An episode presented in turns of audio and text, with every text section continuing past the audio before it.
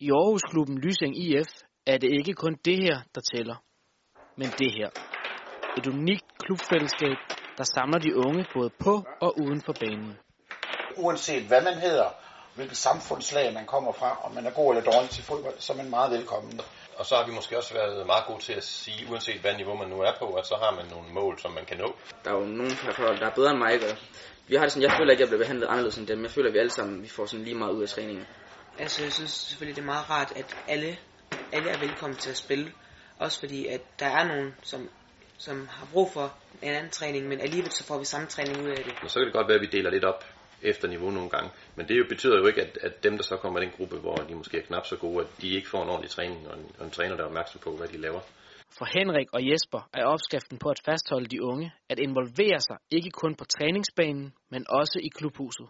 Jamen det, det, det er det, at man skal være der for dem og sammen med dem. Øh, fordi det kræver, det kræver rigtig meget. Altså det er ikke bare at møde op øh, to gange om ugen og en tredje gang til kamp. Øh, der ligger masser af benarbejde øh, inden vi kommer til kamp og inden vi kommer til træning. De har været rigtig, rigtig gode til at skabe et bånd mellem spillere. Vi har arrangeret nogle ture, for eksempel vi har været på to træningslejre i Vejen, og vi har været i Tønder, og nu her i, i Haderslev, her i Pinsen. De er gode til at, at, at lave lidt jokes med os, især nogle lidt jokes, som vi laver med hinanden med venner, som de også kan være med til. Så selvom de to her måske nok går rundt med en lille drøm om at score det afgørende mål i pokalfinalen og løfte trofæet over hovedet, er det ikke det afgørende her i Lysing, hvor fællesskabet er den store vinder.